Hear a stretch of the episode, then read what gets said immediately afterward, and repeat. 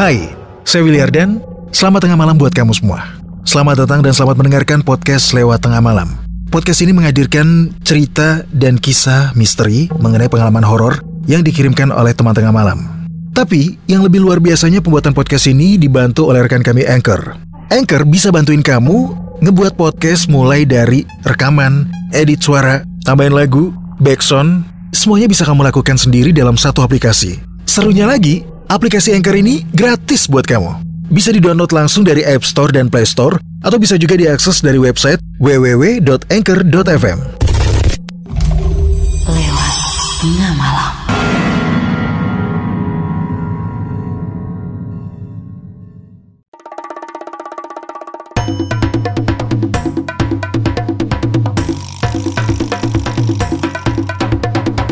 Kini Podcast Network.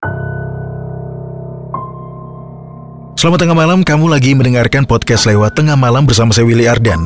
Meski tidak kasat mata, namun makhluk astral kerap berada di sekitar manusia. Konon, anak kecil lebih peka terhadap sosok hantu yang ada di sekitarnya. Bahkan seorang anak kecil intuisinya atau kepekaan terhadap hal yang tidak kasat mata lebih tinggi dari orang dewasa pada umumnya. Kisah horor kali ini diceritakan Lia saat dia mulai mencari tahu sosok keberadaan teman di masa kecilnya. Gangguan apa saja yang dirasakan Lia dan juga keluarganya dari keberadaan sosok makhluk tidak kasat mata yang rupanya selalu mengikuti Lia. Simak cerita horornya hanya di episode 172. Teman kasat mata.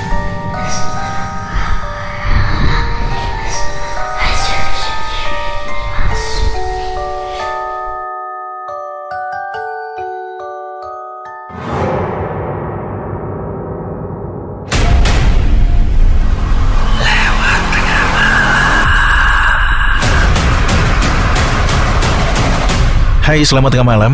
Perkenalkan nama saya Lia. Ini pengalaman horor yang saya alami sendiri. Saya rasa akan sedikit menarik jika dibagikan ke teman tengah malam. Cerita horor ini bermula saat saya baru duduk di bangku kelas 10 di suatu SMA di Batam. Suatu ketika saya mendadak punya rasa ingin tahu terhadap masa lalu saya. Lebih tepatnya saat saya waktu kelas 1 SD.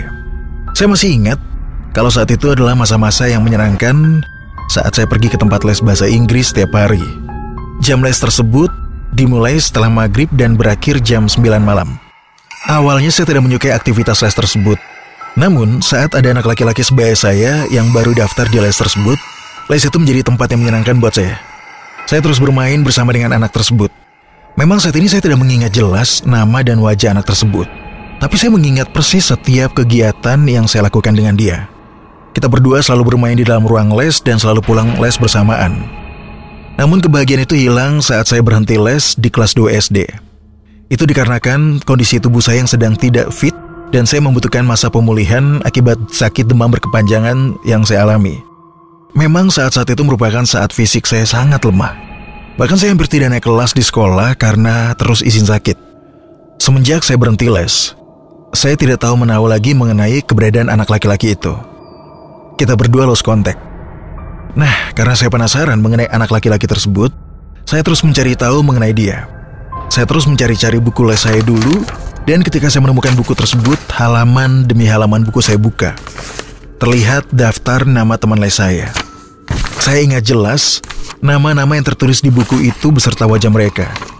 Namun tidak ada nama yang tertulis yang sesuai dengan anak laki-laki itu. Tapi yang membuat saya bingung, saya bisa mengingat semua teman-teman les saya yang lain, nama, wajah, dan juga rumah mereka. Tapi aneh, kenapa mengenai anak laki-laki yang itu? Saya tidak bisa mengingat persis apa pun selain masa-masa saat saya bersama dia. Rupanya pencarian dari buku-buku les saya tidak menemukan jawaban apa-apa.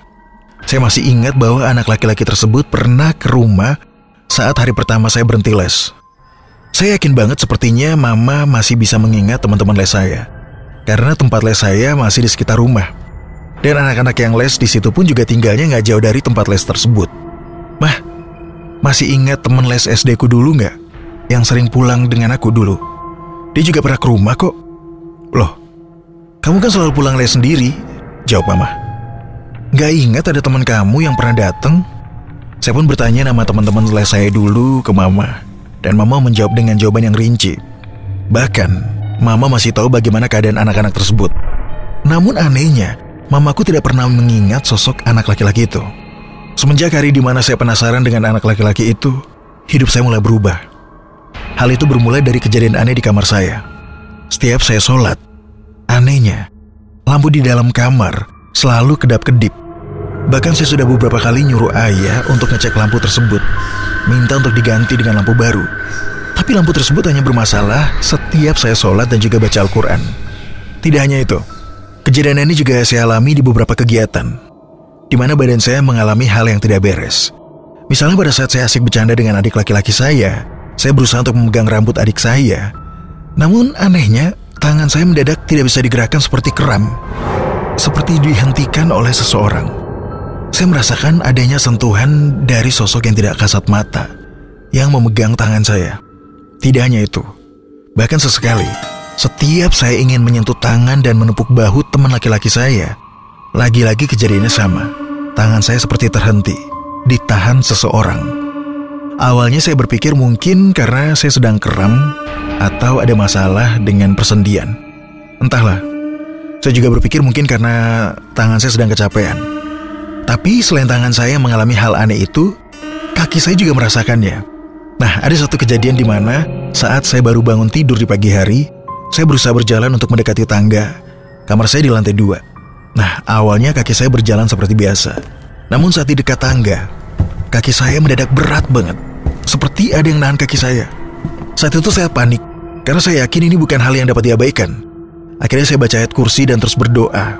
Dan tidak lama kemudian, kaki saya kembali normal. Bisa digerakkan lagi.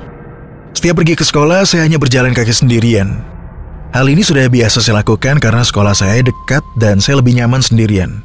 Meski ada teman sekolah saya yang rumahnya juga bertetangga dengan saya, tapi saya tipe orang yang suka menyendiri. Dan saya masih ingat, tiap saya pergi ke sekolah, jalan yang saya lalui ialah jalan yang sepi saat jam-jam seperti itu.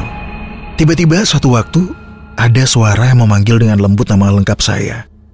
Kedengaran banget di telinga kiri saya. Dan bersama dengan suara itu, bulu kuduk saya mendadak merinding seketika. Suara itu memanggil nama saya. Lia, Lia. Buat teman tengah malam yang punya pengalaman horor, biar cerita kamu bisa muncul di podcast lewat tengah malam, Kirim cerita kamu lewat email di willyardan13 at gmail.com. Buat kamu yang pengen bikin podcast, langsung download sekarang juga aplikasi Anchor dari App Store dan Play Store, atau bisa juga diakses dari website www.anchor.fm. Anchor bisa untuk edit dan upload podcast kamu. Dan yang paling penting, Anchor gratis buat kamu. Suara itu kedengaran suara anak laki-laki yang bahkan bukan suara yang pernah saya dengar sebelumnya. Suara itu asing. Saya nggak tahu siapa yang memanggil saya. Tapi saya langsung refleks menoleh ke kiri dan juga ke kanan. Dan saya sadar kalau di sekitar saya saat itu tidak ada satu manusia pun. Sepi sama sekali. Spontan saya langsung berlari menuju ke sekolah. Semakin lama bukan hanya saya merasakan keanehan tersebut. Bahkan keluarga saya ikut merasakannya.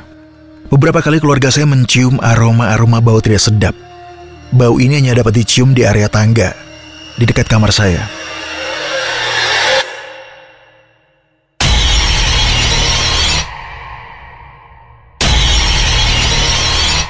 Ada suatu ketika di saat saya harus tidur bukan di rumah, tapi di sekolah karena ada acara camping. Waktu saya camping, saya tidak merasakan hal-hal yang aneh. Tapi ternyata ada hal yang tidak saya ketahui selama itu. Dan baru saya ketahui saat saya pulang ke rumah. Kata adik saya, kamar saya ada hantunya. Adik saya bilang boneka kaleng buatan saya yang ada di kamar jatuh sendiri. Padahal tidak ada yang menyentuhnya. Awalnya saya hanya menganggap adik saya bercanda.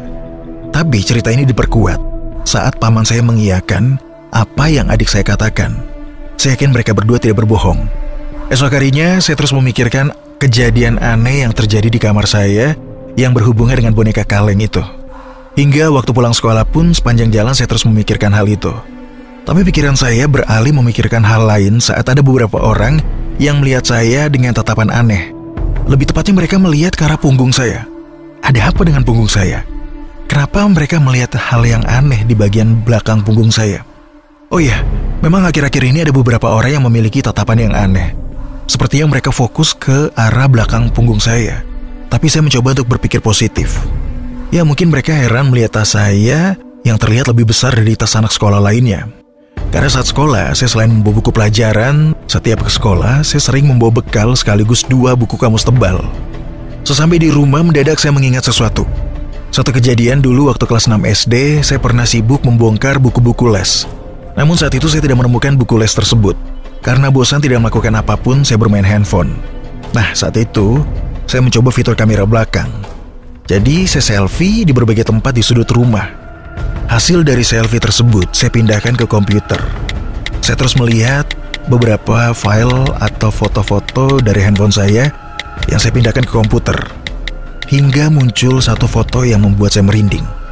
Foto tersebut merupakan foto selfie di mana posisi saya sedang berdiri membelakangi tangga yang berada di dekat kamar saya.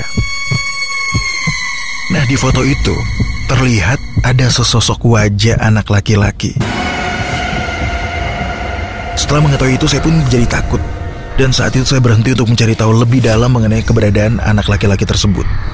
Mengingat kejadian waktu SD tersebut, saya langsung mencari foto tersebut. Ya, saya masih ingat.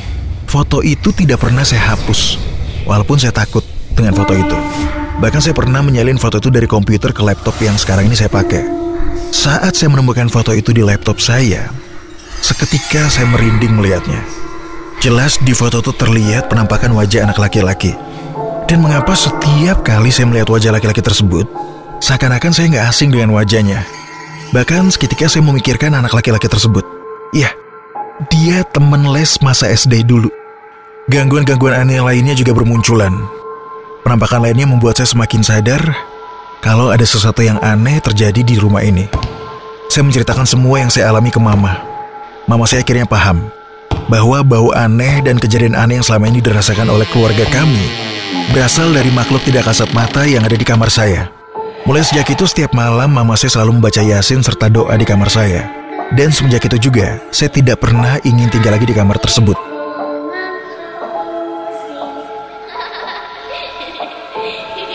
Suatu hari bibi saya datang ke rumah dan memasuki kamar saya. Dia mengatakan kalau di kamar saya memiliki hawa yang tidak nyaman, dikarenakan ada makhluk tidak kasat mata. Bibi saya termasuk orang yang bisa merasakan keberadaan makhluk lain. Entah karena saya pindah kamar, atau karena saya sekeluarga terus berdoa kepada Tuhan untuk dihindari dari hal-hal yang ingin menyakiti saya dan juga keluarga saya. Sejak saat itu saya tidak pernah lagi merasakan hal-hal aneh seperti sebelumnya. Beberapa tahun berlalu hingga saya berada di kelas 12. Paman saya dan keluarga datang ke Batam dan menginap di rumah saya. Di suatu malam saya dan kelima sepupu saya sedang bermain kembang api di bagian depan rumah. Saat kami sedang asik bermain, salah satu sepupu saya yang berumur 10 tahun, dia berbisik kepada saya. Kalia, di lantai atas rumah ada cowok yang lagi berdiri ngeliat ke kita. Kata sepupu saya sambil menunjuk ke arah atas rumah saya. Saya terdiam.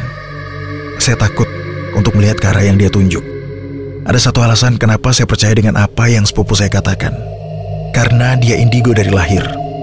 Ada satu hal yang masih belum saya pastikan selama kejadian tersebut. Apakah dia yang mengganggu saya adalah dia yang dulu berteman dekat dengan saya waktu les dulu? Oh iya, mengenai cerita saat ada teman sekolah yang aneh melihat punggung atau di bagian belakang, ternyata ada sosok makhluk lain berupa anak laki-laki yang terus ngikutin saya dan dia selalu nempel di bagian belakang saya. Saya pikir yang beberapa orang lihat ke punggung saya, sebenarnya yang mereka lihat ialah makhluk laki-laki ini yang ngikutin saya. Sampai sekarang saya nggak pernah tahu apa yang membuat sosok laki-laki ini suka dan terus mengikuti saya.